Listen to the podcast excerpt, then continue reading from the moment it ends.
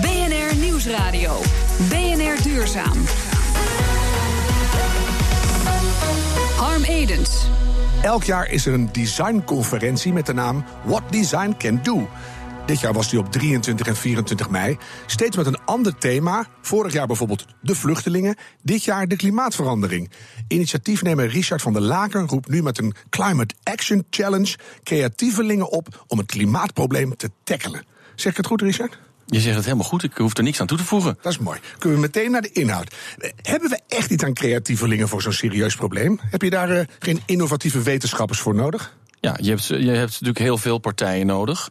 En uh, niet in de laatste plaats ontwerpers. Dat is natuurlijk ook een belangrijke stellingname van What Design Can Do. -hmm. Als je naar, naar vorig jaar kijkt, hè? Ja. minstens nou ja, niet net zo'n groot probleem, maar ook een heel groot probleem, vluchtelingen. Wat heeft dat opgeleverd in concreto? Nou, ik, ik, zal misschien even heel kort uitleggen wat we precies gedaan hebben. We, we zijn een organisatie die gaat over de maatschappelijke impact van design, in de positieve zin des woords.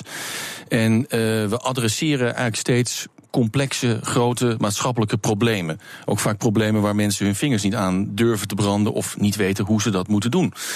Uh, vorig jaar had je, we zaten natuurlijk midden in die, in die, in die, hoe zeg je, in die turmoil van de, van de vluchtelingencrisis. -hmm. En toen hebben wij dat um, uh, als organisatie geadresseerd. Dus kortom, wat kunnen ontwerpers en creatief in het algemeen bijdragen aan nou ja, die, dat complexe probleem wat het vluchtelingenvraagstuk is. Natuurlijk kunnen ontwerpers dat niet oplossen, nee. maar ze kunnen wel van alles bijdragen. Maar noem eens één concreet ding. Ik heb bijvoorbeeld de omarmband gekocht, een creatief idee. Ja. Zwemvesten tot armband, geld gaat onmiddellijk terug naar de vluchtelingen. Dat is een heel klein, lief idee. Maar hebben jullie grote oplossingen kunnen genereren? Ja, zeker. We hebben uh, de challenge die wij georganiseerd hebben, is dus eigenlijk een grote ontwerpwedstrijd. Er zijn 631 inzendingen uit 70 verschillende landen gekomen. Dat was op zich al, al spectaculair. Dus heeft ook heel veel media-aandacht gegenereerd. Als je het hebt over awareness, heeft dat denk ik heel veel, heel veel positieve aandacht opgeleverd. Mm -hmm. Daar zijn uiteindelijk vijf uh, finalisten uitgekomen. En daar, daar zijn projecten uitgekomen, als bijvoorbeeld één project heet uh, Agri-Shelter. Dat is een, door een Iraanse architecte uh, werkzaam in Milaan. En ze heeft daar samen met de universiteit in Milaan een, een soort shelterproject opgezet. Dat gaat over, hoe zeg je dat, dode plekken in de stad die een nieuwe functie krijgen. Ja. Nu, na dit jaar, hoe kwamen jullie na zo'n groot thema ineens op klimaatverandering? Dat loopt al een, een tijdje mee, toch? Ja, zeker. Maar het is net als die vluchtelingencrisis. Uh, is er volgens mij nu wel een soort uh, momentum gaande. Je hebt natuurlijk het, uh, het klimaatakkoord in Parijs. Je hebt de Nederlandse verkiezingen.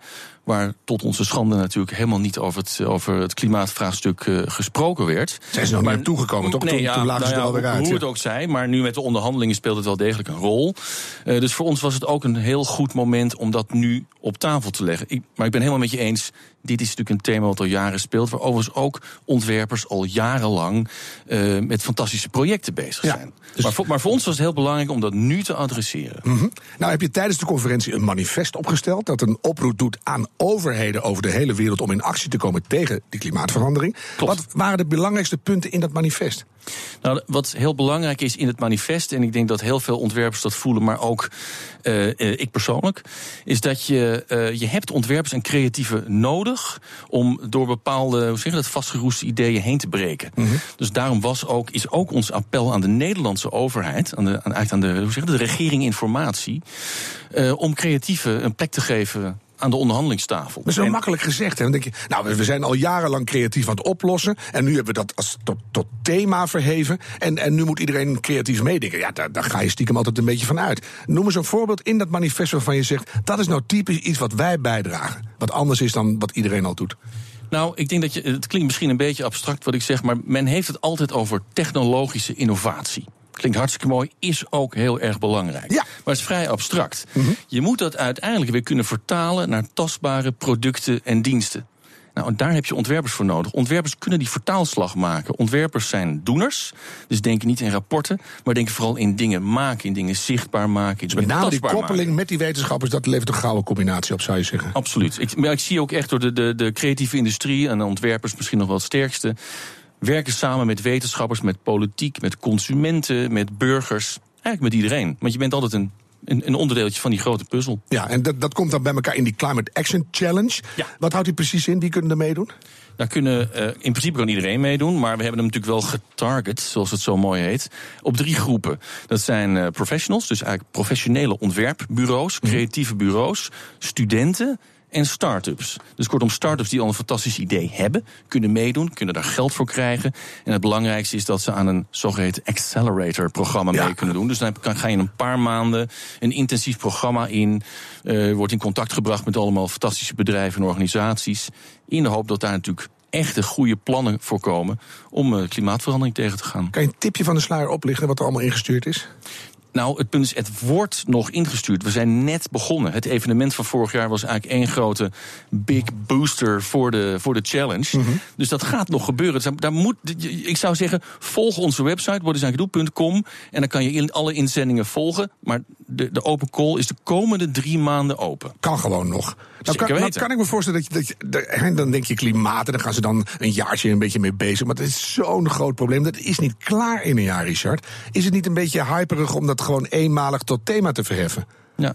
Nou, ik vind het fijn dat je de bal zo voor het doel legt. Want Bijna een eigen goal, hè? Maar Bijna ik een ben- eigen ik ben goal. benieuwd hoe jij hem gaat maken, maar, toch? eh, nee, maar we gaan hier natuurlijk niet één jaar mee bezig. Eh, Ah. Voor ons is dit het startpunt voor een programma wat minimaal twee jaar duurt.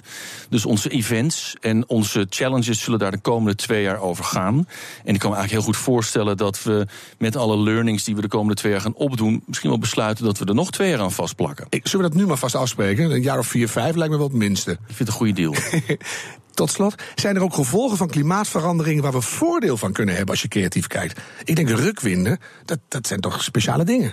Ja, vind ik ook wel interessant. Nee, je kan natuurlijk van alles doen met de veranderingen van het klimaat. Ehm, je hoeft bijvoorbeeld alleen maar te kijken naar bijvoorbeeld zoiets als de zeespiegel die stijgt. Of eh, rivieren die uit hun eh, bedding eh, komen. Daar zijn prachtige nieuwe huisconcepten op ontwikkeld. Eigenlijk een soort. Het ene moment woon je in een huis en het andere moment woon je in een woonboot. Nou, wat wil je nog meer? Ja, mooi hè? Of de ene keer woon je in een huis met uitzicht en na een aardbeving niet meer. Schitterend. Ja, dat vind ik altijd minder. Maar je, je voelt, er is een hoop te doen. Ik ga je enorm bedanken en succes wensen. Richard van der Lager van What Design Can Do. BNR Nieuwsradio. BNR Duurzaam. De meestal zo saaie Zwitsers omarmden deze maand in een referendum de vergroening van hun energiesector. Geen kernenergie meer, miljarden subsidies voor duurzame energie en een minister van Energie en Milieu. Ha, zo kan het dus ook. Waarom kunnen we in Nederland dat soort stappen niet zetten? Gelukkig is de formatie nog lang niet klaar. Die begint eigenlijk weer helemaal opnieuw. Dus Marga Hoek, duurzaam onderneemster en Sustainable Development Goal expert. Zullen we vandaag eens een beginnetje maken met het schrijven van het nieuwe regeerakkoord? Ja, laten we dat absoluut doen. En, wa- laten en waar beginnen we dan? Nou, laten we beginnen bij eh, vandaag de dag. Want vandaag in de Tweede Kamer worden de Sustainable Development Goals, waar je net aan refereerde, besproken. In die zin dat de Nederlandse vrijwillige meting, dus hoe staat Nederland op die doelen nou voor, dat wordt vandaag besproken. En dat wordt in juli eh, bij de United Nations in New York gepresenteerd. En dat is eigenlijk ons vertrekpunt, zou je kunnen zeggen. Hè? Want dat meet hoe we ervoor staan. Nou, dat zijn allemaal hele bekende getallen. We weten 2015 5,9 procent van de totale energieconsumptie was duurzaam. Daarmee staan we op een treurige 26e plaats van 28 Europese Unielanden. Ja, het kan nog slechter. Het dus kan nog slechter, eh, maar bij broeikasgas eh idem dito, hè, daar staan we op plaats 25 En stijgend, in diezelfde ranglijst. Qua uitstoot. En stijgend, ja, Ja. Daar moet je niet blij mee zijn. En de milieudruk is eh, nog eens extra hoog eh, door Nederland, omdat we heel veel grondstof en energie importeren overigens. Maar dat weten al die kabinetsonderhandelaars ook. Daarom, die wilde die kennis wel even delen. Als- Ja, precies. Hoe, hoe ga je dan beginnen? Wat, wat is een goed startpunt voor al die onderhandelaars nu? Nou, laten we het breed pakken en smal. Dus smal beginnend eigenlijk bij waar we in echt achterlopen. Dan zou ik zeggen, dan is dus helder dat als je naar de afgelopen jaren kijkt, we het energieakkoord hebben gehad. Dat was mooi om de motor draaiende te krijgen, maar volstrekt onvoldoende op een aantal fronten. Het eerste is dat het natuurlijk uiteindelijk te langzaam gaat. Dus die motor is wel gaan draaien, maar die moet hoog nodig drie versnellingen hoger. Dat weten we allemaal. Ehm, dat is al heel vaak ter sprake gekomen. Eh, het tweede is eh, dat het ook niet ambitieus genoeg was qua doelen. Maar vooral ook omdat het een doel gaf op de input, hè, dus op de opwekkant. Dus Ja. hoe ver scoren wij nou maar qua hernieuwbare energie, maar niet op de CO2. Vaak is gezegd het was een energieakkoord, maar geen klimaatakkoord. En dat is in die zin waar. Ja. Dat moet dus direct veranderd worden. En welk momentum is nou beter dan nu? Ik zou daar dan meteen een eh, vervolgplan fase aan koppelen, wat we toch al moesten doen hè, vanwege het energieakkoord tot 2030 om te zorgen dat wij binnen de normen van, uh, van Parijs zijn. En liefst daar iets onder, want daar vaart een land wel bij. Ja, en hoe zou je dat dan koppelen, dat extra plan van jou? Hoe ziet dat eruit? Nou, je noemde net Zwitserland als voorbeeld. Er horen een paar ferme besluiten bij. Hè, om, uh, zoals Zwitserland heeft gezegd, we gaan uit kernenergie. We gaan uh, de beleggingen uh, in de fossiele energie uitfaseren, hebben veel landen gezet. Mm. We zetten iemand met mandaat erop. Maar dit terrein, daar moet iemand met mandaat op. Daar moet een plan en heldere doelen bij. Dus dat is één, want daarin lopen we achter. Mm -hmm. Maar is er ook wat te winnen? Kan ja. dan ook de vraag zijn. Nou, ik heb net gezegd, qua Sustainable Development Goals staan we er eigenlijk qua land best goed voor en heel vaak hoor ik nu mensen zeggen: Oh, dat is mooi, dan zijn we eigenlijk klaar op klimaat en energie na, hè, als ware dat een klein dingetje. Maar dat is natuurlijk niet zo, want het gaat over problemen in de wereld en het gaat over kansen in de wereld. Dus als we onze economie willen doen groeien naar de toekomst toe, dan willen we. willen we natuurlijk oplossingen genereren met het bedrijfsleven, waarin net een paar voorbeelden van design zijn geweest. En die willen we exporteren, oftewel over de wereld verspreiden. Mm -hmm. Dat is het businessmodel van ons land. En hoe doen we dat? Als je dat nou weet, dan moet je dus zorgen dat die SDG's prioriteit krijgen. Heel veel bedrijven hebben dat ook gezegd. Hè? De Dutch Sustainable Growth Coalition, de Groene Zaak, Partos allerlei brieven zijn er al naar de vorm informateur gegaan. Maar zeggen is echt heel wat anders dan doen, Marga. Dat weet jij ook. Absoluut. Dus, dus mijn voorstel zou zijn... Ja? laten we daar dan nu meteen in het regeerakkoord mm -hmm. opschrijven... dat we een ambitie en een visie gaan maken... dat die in 2018 klaar moet zijn met als doel... hoe scoren we in 2030 qua alle bedrijfsdomeinen op die SDG's. Waarbij je ook direct opschrijft als ik het nu toch mag bestellen. Ja, je mag het even zeggen. Waarbij we ook direct opschrijven dat we het topsectorenbeleid, zoals we dat nu een tijd lang hebben gehad, mm. nou dat zijn we gewend, dat moeten we op een goede manier benutten, synchroniseren met die SDG's. En hoe doe je dat bijvoorbeeld? Als je kijkt, je noem eens een voorbeeld, de topsector water, wat moeten die doen? Ja, de topsector water is een voorbeeld. Uh, uh, uh, gezondheid is ook een heel goed voorbeeld. Hè. Daar moeten we wel zeggen van oké, okay, dan gaan we dus met die sector, of het nou water is, resources of voedsel, maakt even niet uit, -hmm. gaan we vooral oplossingen genereren met het bedrijfsleven die een, op, een oplossing zijn voor die Sustainable Development Goals. Dat gebeurt toch al, hè, want het bedrijfsleven kijkt verder vooruit. Die weten dat die doelen markten ontsluiten. We hebben het dan wereldwijd overigens over 12 trillion a year. Heerlijke bedragen. Maar ik ga je toch even onderbreken. Want de, de, de, ik voel steeds een, een combinatie overheid-bedrijfsleven. Hoe gaat de overheid het bedrijfsleven zo gek krijgen dat die eigenlijk de kastanjes uit het vuur gaan halen? Is dat subsidies of is dat uh, flinke boetes? Nou, nou ja, het gaat niet altijd om belonen en bestraffen. Het gaat ook om de kaders. Hè. Dus de topsectoren heeft heel veel aandacht gehad. Dat mm -hmm. moet je weer doen, maar dan moet het echt toegesneden zijn op de SDG's. We hebben handel- en ontwikkelingssamenwerking gekoppeld. Dat moeten we nu versterkt doen, maar verbreden. Dus elke handelsmissie die wij hebben hebben naar het buitenland, moet direct gekoppeld zijn aan de SDG's en dan de vraagstukken die in die landen spelen. Volgens mij is dit heel helder uit te leggen. Heel helder. Als er nou toch een minderheidskabinet komt, is dat dan erg voor dit plan? Of kan je zeggen, nou dan kunnen ze wat, wat het SDG-stukje betreft even bij GroenLinks langs voor de meerderheid? Nou, het is helemaal niet voorbehouden aan GroenLinks. Hè? Dit is helemaal niet links noch rechts. Er zitten alleen maar economische voordelen aan. En de problemen van de wereld uh, mag een ieder zich toe-eigenen. Dus dat moet sowieso gebeuren. Een minderheidskabinet hoeft niet erg te zijn, maar dan moet er wel een heel goed regeerakkoord liggen. Kijk, en daar is het begin nu voor gemaakt. Dankjewel, Marga Hoek. Ernie, weet je dat je een banaan in je oor hebt? Eh, eh, eh, wat zeg je, Bert? Ik zei dat je een banaan in je oor hebt. En een banaan eet je. Die stop je in je mond. Niet in je oor, Ernie. En dat geldt ook voor aardbeien en komkommers. Dus die vraag is opgelost. Maar de vraag hoe duur zijn bananen echt als je alle milieukosten meerekent, die beantwoorden we zo in BNR Duurzaam. BNR Nieuwsradio. BNR Duurzaam. De banaan is het meest verhandelde stukje fruit ter wereld. We kennen ze van Chiquita en Dol, maar er zijn ook Fairtrade bananen. Hoe worden die bananen allemaal geproduceerd? Hoe zit het met het watergebruik, het landbouwgif, het grondgebruik? Enzovoort, enzovoort. Allemaal verborgen kosten die de vraag oproepen: hoeveel kost een banaan nou echt? En dat wil de onderzoeker Adrian de Groot Ruiz van True Price wel eens weten. Adrian, zo te horen onderzoeken jullie wel vaker prijzen, maar is dit het eerste stukje fruit? Dit is het eerste stukje fruit wat we mondiaal onderzoeken op alle kosten. En we zijn ook echt in het veld geweest. Dus dat is mondiaal het eerste onderzoek naar de echte kosten van bananen. Ja, en nou is het onderzoek gemaakt in opdracht van Max Havelaar. Die zijn van de Fair Trade Groep. Lieten ze jullie gewoon helemaal vrij? Zoek het maar uit. Ja, ja, en het was Fairtrade International. Dus de internationale tak van uh, Fairtrade. En waarom wilde Max Havelaar dat weten eigenlijk? Die hadden stiekem het vermoeden dat ze er beter uit zouden komen? Ja, wat, wat voor hun een probleem is... iedereen zegt dat ze duurzaam zijn, maakt hele mooie stickertjes, hele mooie folders... Maar daarom vertrouwen mensen niet meer en willen ze ook niet meer extra betalen. Want iedereen zegt dat ze duurzaam zijn. Te veel keurmerken, te veel dingetjes. Precies. En als je denkt, ik ben echt beter, ik ben niet alleen maar een mooi plaatje, ja, dan wil je die transparantie hebben. Ja, wat hebben jullie precies onderzocht en wat kwam eruit? Uh, dus we hebben gekeken naar die verborgen kosten. Dus kosten die wel bestaan, maar niet in de prijs zitten. En we hebben gekeken naar bananen, nou, 10 miljard wereldwijd verhandeld. En naar de grootste producenten, dus Colombia, Dominicaanse Republiek, Ecuador um, en Peru. Mm -hmm. En daar hebben we eigenlijk naar alles gekeken. Alle sociale en milieu-impacts uh, van de bananenproductie. En wat daaruit kwam, één heel belangrijk resultaat... is die bananen worden verhandeld per doos. Zo'n 18 kilogram bananen. Hele mooie dozen. En daar komt 6,50 euro bij. Dus dat zijn de externe kosten van een gemiddelde doos bananen voor ja. de sector. Maar dan heb je, dan heb je echt vrij weinig aan. Hè? Behalve dat je weet dat er versluierende kosten zijn en wil je ja. een betere planeet, dan zou je dat moeten gaan doen. De belangrijkste? Ja. De belangrijkste zijn uh, landgebruik, mm -hmm. uh, klimaat, dus CO2-uitstoot, ongeveer 10%.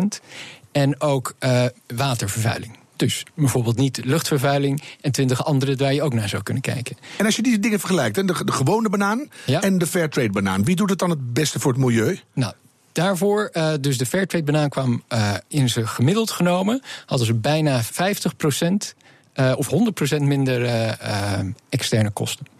Dus een Fairtrade uh, doos is ongeveer 3,50 euro externe kosten. En de gemiddelde doos 6,50 euro. Dan moet je voor de gewone luisteraar toch even vertalen. Als ik, als ik letterlijk naast elkaar zet, ik neem een, een Chiquita of een Dolbanaan of een Fairtrade banaan. Wie ja. is het duurzaamst van de twee? De Want, Fairtrade banaan. Toch? Want dat is het idee, ja. ja? Dus Fairtrade banaan is duurzamer. Uh -huh. Want die hebben de helft die is uh, 50% duurzamer. Dat klinkt goed. Ja, zeker. En, en als je naar die andere sociale factoren kijkt en zo. Ja. Dus daar kwam als grootste onderbetaling en onderverdiening uh, kwamen naar voren. Dus de mensen krijgen te weinig, die worden ingehuurd. Maar ook de boeren. En er gebeuren ook wel ongelukken. Want die mensen moeten die hoge bomen in, et cetera. Dus dat waren de drie belangrijkste sociale factoren. Mm -hmm.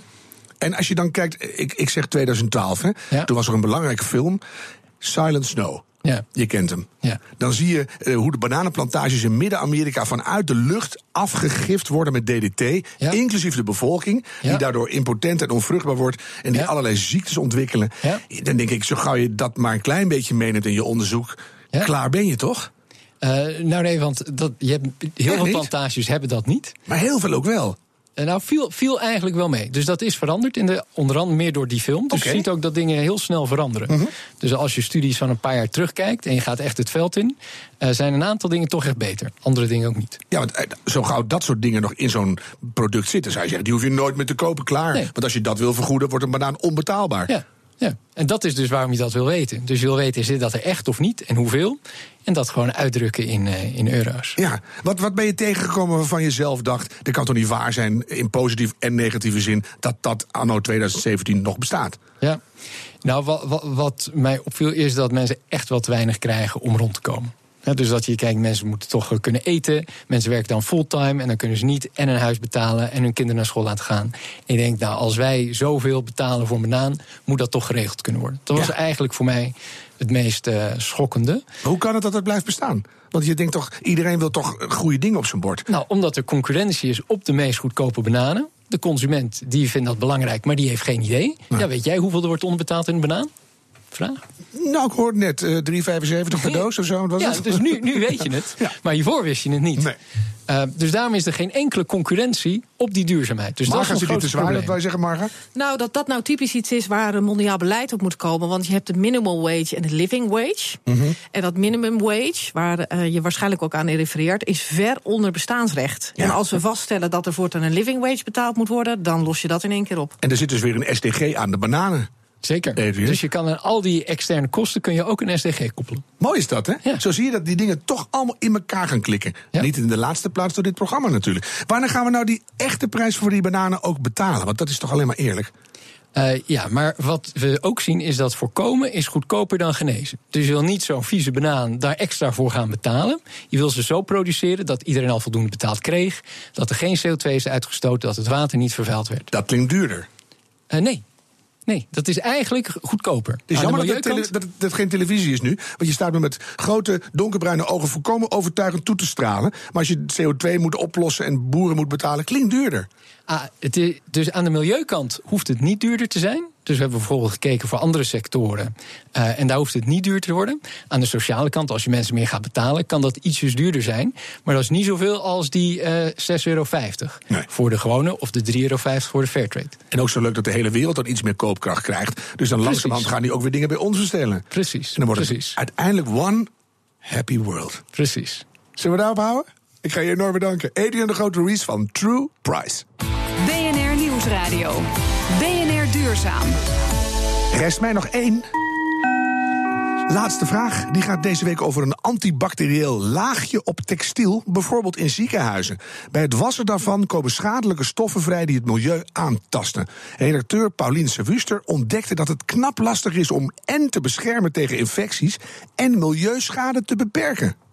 ja, uiteindelijk hoop je toch eh, iets op de markt te hebben wat een ander eh, niet heeft. Wat jou in dat gebied weer een, eh, in ieder geval tijdelijk voorsprong eh, geeft. Erik van der Weert, directeur van Wevotex. Zijn bedrijf is gespecialiseerd in productie en verkoop van textielartikelen. Omdat we dus de textiel leveren voor die eh, zorgsector, weten we dat antibacterieel een, een issue is. En dus wil de Wevotex antibacterieel textiel kunnen leveren. Want ziekenhuizen willen natuurlijk kosten wat het kost infecties voorkomen. Toen wij daarin kwamen in dat project, eh, dachten we ook vrij simpel van eh, ja, MRSA, dat zijn bacteriën. En als je dan iets ontwikkelt wat antibacterieel is, dan los je het probleem op. Maar antibacterieel textiel blijkt best lastig te zijn. Het is te kort door de bocht om te zeggen van we hebben een antibacteriële stof, we maken die kleding ervan en ons probleem is opgelost. eh. want er zijn niet alleen slechte bacteriën, er zijn ook goede bacteriën. En een mensenhuid heeft de goede bacteriën ook nodig. Hoe maak je antibacterieel textiel dat geen schade veroorzaakt? Die vraag probeert Martin Benning van de Saxion Hogeschool te beantwoorden. Kijk, oorspronkelijk worden er wel eh, heel veel textielen eh, ontwikkeld met bijvoorbeeld nanozilver. Dat zijn hele kleine nanodeeltjes. Eh, het probleem daarvan echter is dat het bij wassen van het textiel vrijkomt. En dat het ook schadelijk is voor het milieu. Niet zo duurzaam dus, dat zilver. Maar dat is niet de enige schadelijke antibacteriële stof. Kijk, ze doden in principe bacteriën. Dus dat is hoe, in welke vorm dan ook, of welke, eh, welke stof je daarvoor ook, ook voor gebruikt.